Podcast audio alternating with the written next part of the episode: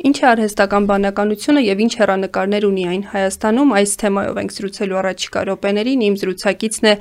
Ռոբին ռոբոտ նախաձեռնության հիմնադիր Կարեն Խաչիկյան։ Ես հիշեցնեմ, որ Ռոբին արհեստական բանականությամբ աշխատող հայկական առաջին ռոբոտն է, որն օգնում է հոսպիտալացված երեխաներին եւ տարեցներին ավելի հեշտ եւ առանց սթրեսների տանել բուժման ընթացքը։ Ողջույն Կարեն, շնորհակալ եմ մեր հրավերն ընդունելու համար։ Բարև ձեզ, շնորհակալություն հրավիրելու համար։ Նախ խնդրում եմ մեր դիտողներին հակիրճ բացատրենք, թե ինչ արհեստական բանականությունը եւ ինչպես է այն աշխատում։ Ուրեմն արհեստական բանականությունը դա տեխնոլոգիաներ են, մեքենական ուսուցումը, ուսուցումը, որը մի մասն է արհեստական բանականության, ուրեմն տվյալների հիման վրա, որոնք հավաքագրվում են, ենթադրենք ունեք ուզում եք որ ծրագրային միջոցը տարբերի շանը եւ կատվին, հա, օրինակի համար ուրեմն հավաքվում են մեծ քանակությամբ տվյալներ, այս դեպքում նկարներ եւ կրիտերիաներ են տրվում ծրագրին, այսինքն ասում են, որ կատուն օրինակի համար ունի 4 ոտք,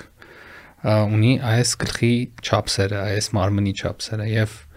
ալգորիթմների հիման վրա ծրագրային միջոցը սովորում է տարբերել եւ այստեղ բարձ է որ ինչքան տվյալների քանակը մեծ լինի այնքան ճշտությունը այս դեպքում դա կոչվում prediction, հա, այսինքն երբ որ ծրագիրը ասում է օրինակ 90%-ով սակատու է կամ շուն է։ Եվ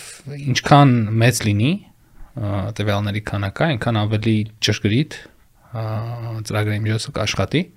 Եվ այս օրինակի վրա տարբեր տեսակի մեքենական ուսուցման ձևեր կան, կա խոր ուսուցում, որոնք հիմնական խնդիրը կայանում է նրանում, որ մեծ քանակությամբ տվյալներ են պետք բայց քանի որ արդեն մենք մտնում ենք մի տարաշրջան, արդեն մտել ենք, որ հնարավոր է դառնում մեծ քանակությամբ տվյալներ հավաքագրել ու նաև համակարգչային հզորությունը, քանի որ աճում է, այդ параգրաֆը հնարավոր է լինում շատ ճշգրիտ ծրագրային միջոցներ ստեղծել մեքենական ուսուցման հիման վրա ու արհեստական բանականության Yeah, այդպես։ Եվ աշխարհը այս առումով ուր է հասել, որ ոլորտներում են հատկապես լայն կիրառում ստանում արհեստական բանականության տարբեր մեթոդները եւ ինչու է դա այդքան կարեւոր ու անհրաժեշտ հիմա։ Ամ արդեն աշխարհում շատ-շատ ոլորտներում է կիրառվում, գրեթե բոլոր ոլորտներում կիրառություն ունի բժշկության մեջ, հա, օրինակ գոյություն ունեն տեխնոլոգիաներ, որոնք նկարների, օրինակ քացկեղի նկարների հիման վրա ճշգրիտ որոշումները առաջարկում բժշկական անձնակազմին դեղագործության մեջ ռոբոտաշինության մեջ ռազմական ոլորտում չափազանց շատ օգտագործվում է նաև պետական ծրագրերում այսինքն այն տեղերը որտեղ տվյալների հետ աշխատանք կա այդտեղ հնարավոր է արհեստական բանականության մեքենական ուսուցման միջոցով ավելի էֆեկտիվ լուծումներ ստանալ։ Եվ ինչու է կարևոր այդքան ավելի շատ անցնել արհեստական բանականության մեթոդով տեխնոլոգիաների։ Որովհետև արդյունքները շատ ավելի ճշգրիտ են, շատ ավելի մեծ հնարավորություններ է տալի, քան առանց արհեստական բանականության, քանի որ այն աստիճանը, որով այն աստիճանը, որով հնարավոր է ճշտություն ստանալ արհեստական բանականության միջոցով, եթե տվյալները շատ են, հա, համապատասխան համակարգչային հզորություն կա, ու այլ կերպ հնարավոր չէ ճշտությունը ստանալ։ Ինչ է ենթադրում նման մեթոդների օգտագործումը, եթե գանք արդեն Հայաստանին, ինչ ծավալի ֆինանսական եւ մարդկային ռեսուրսի մասին է խոսքը, կարող ենք հենց ռոբին, ռոբոտի օրինակով էլ խոսել, ինչ ծավալի աշխատանք է ձեզնից պահանջվել ֆինանսական եւ ֆինանսական եւ մարդկային ռեսուրսի համապատասխան մասնագետներ գտնելու առումով մենք արդեն 3 տարի է սկսել ենք եւ սկզբից բնականաբար շատ բարդ էր որովհետեւ շատ կոմպլեքս product ենք ստեղծում որը բաղկացած էր թե ֆիզիկական, հա, ֆիզիկական product էր, թե մեծ հոգեբանական բաղադրիչ կար իր մեջ, թե տեխնոլոգիական, ինժեներական, ռոբոտաշինություն, արհեստական բանականություն եւ սկզբից մենք երկու հոգով էինք, ես եւ մեր համահիմնադիր Հայկ Խորասանջյանը Հիմա մոտ 30 հոգի ենք արդեն եւ 3 տարվա ընթացքում մոտ 3 միլիոն դոլար ներդրում ենք ներգրավել ու վերջի փուլը ներդրումային 2 միլիոն դոլար էր, որը հայտարարեցինք վերջերս։ Եվ մեծ աշխատանք է կատարվել այս տարիների ընթացքում, բայց շատ ավելի մեծ աշխատանք մեզ սպասվում է, որտեղ մենք մեր ճանապարհի սկզբում ենք ու թեկուս Ռոբինի դեպքում օրինակ մենք օգտագործում ենք արհեստական բանականությունը Ռոբինի մեջ, որ เป զի երեխաների էմոցիաները ճիշտ հասկանանք, հասկանանք իրենց վարքը, նաև օգտագործում ենք շփման համակարգեր ստեղծելու մեջ, որը պահանջում է անընդհատ տեխնոլոգիաների բարելավում, ավելի մեծ տվյալների անալիզ, հա, որի որի միջոցով Ռոբինը ավելի էֆեկտիվ է դառնում եւ ես մենք հենց այդպես է սկսել ենք, երբ որ մենք սկսեցինք խնդիրը նրանում էր կայանում Ռոբինի օգտագործման, որ տվյալներ չկար թե ինչպես են երեխաները իրենց ինչպիսին է երեխաների վարքը հիվանդանոցներում տարբեր հիվանդությունների դեպքում օրինակ ինչից ինչպես են շփվում իրանք ինչից են վախենում ինչ ինչն է իրանց ամենաշատ անհարմարություն պատճառում էմոցիաները երեխաների եւ մենք մի մոդել ստեղծեցինք որպեսզի տվյալներ հավաքենք մենք հոկեբաններ վերցրեցինք գործիլ եւ խնդրեցինք իրենց շփվեն Ռոբինի միջոցով երեխաների հետ եւ այդ այսինքն Ռոբինի միջոցով կառավարում են եւ խոսում են երեխաների հետ եւ տենց մենք սկսեցինք տվյալներ հավաքել թե երեխաները ինչպես են շփվում, ինչպես են իրենց ինչպիսին է իրենց վարքը Եվ այդ տվյալների հիման վրա մենք սկսեցինք ավտոմատացնել Ռոբինին եւ այս պահին 40%-ը շփումների ամբողջությամբ Ռոբինը արդեն սովորել է շփվել եւ ինչքան պատկերացրեք Ռոբիներ ենք տեղադրում, ինչքան Ռոբինը շատ է աշխատում, այնքան ավելի մեծ տվյալներ ենք հավաքում եւ Ռոբինը ավելի ավելի լավն է դառնում։ Այսինքն սա շարունակական process է, բայց մենք այն ոլորտում ենք գտնվում, որ շատ մեծ ներդրումներ են պահանջում, որովհետեւ սա օրինակ ծրագրային միջոց չի, որ շատ հեշտ է օրինակ App Store-ը գցել ու տարածել։ Պատկերացրեք ամեն ռոբոտ օրինակ միացյալ նահանգներ տեղադրելուց ինչքան աշխատանք կա ու ոնց որ մեծ ռեսուրսներ են պետք գալու եւ ոնց որ մենք պատրաստ ենք եւ մեր մեծ մյուս ներդրումային ռաունդը արդեն զգալիորեն մեծ կլինի։ Ահա։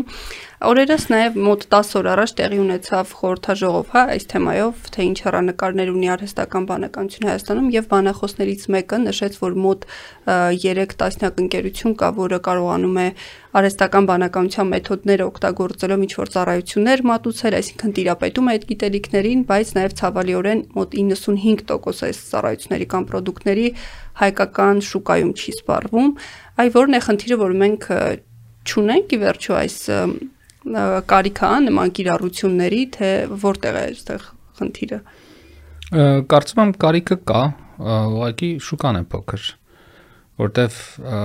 այդ բոլոր ընկերությունները, որոնք կան, իրանք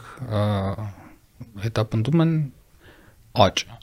Այսինքն նոր հաճախորդներ, ավելի մեծ ֆինանսական շահույթ, հա, ու այս պարագայում Հայաստանը փոքր երկիր է եւ համապատասխանաբար փոքր շուկա ունի։ Ես մեր վրա օրինակը բերեմ, օրինակ Միացյալ Նահանգներում կա 10000 մանկական հիվանդանոց, գումարած մոտ 15000 մանկական ատամնաբուժարան եւ այլն եւ այլն։ Հայաստանում քանակները բնականաբար շատ փոքր են, հա, ասենք կա մասնագիտացված երեխաների հիվանդանոց 3-4 հատ Եվ այս պարագայում, եթե մենք միայն Հայաստանի վրա կենտրոնանանք, մենք մեր վաճառքները բնականաբար շատ ցածր կլինեին։ Եվ սա է հիմնական պատճառը, ուրիշ հարց է թե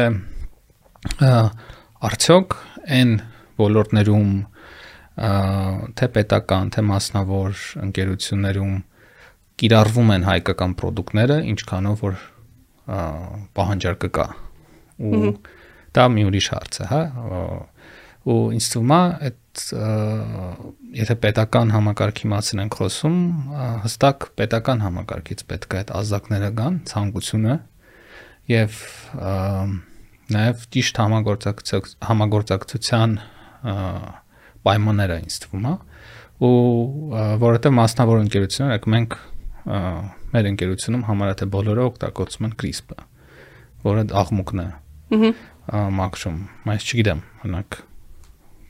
գիտեմ որ շատ տարբեր ընկերություններ նույնիսկ օգտագործում են մարտիկ, հա, հայկական product է։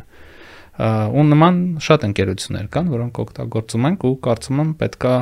եթե խոսում ենք պետական համակարգի մասին, իրենք հասկանան թե ինչքանով է արդյունավետությունը բարձրանալու հայկական ապրանքները օգտագործելու եւ օգտագործան։ Ահա երբ որ խոսում ենք արհեստական բանականության մասին, մարդիկ պատկերացնում են, որ ինչ որ ռոբոտներ գալու են եւ փոխարինեն իրենց հաստիկներին Հայաստանը աշխատաշուկայի այդ աշխատատեղերի առումով մեծ խնդիր ունի, սա արդյոք նոր ռիսկեր չի առաջացնի։ ինձ թվում է ոչ ու դա ջր հոլիվուդյան ֆիլմի սցենարներ են, բայց իրականությունը այլ է օրինակ Ամերիկայի Միացյալ Նահանգներում որտեղ այդ ֆիլմերը ստեղծվում են հիմնականում մարդիկ շատ բաց են տեխնոլոգիաներին, մարդիկ շատ ողջունում են ու միշտ այդ փոփոխությունը աշխատաշուկայի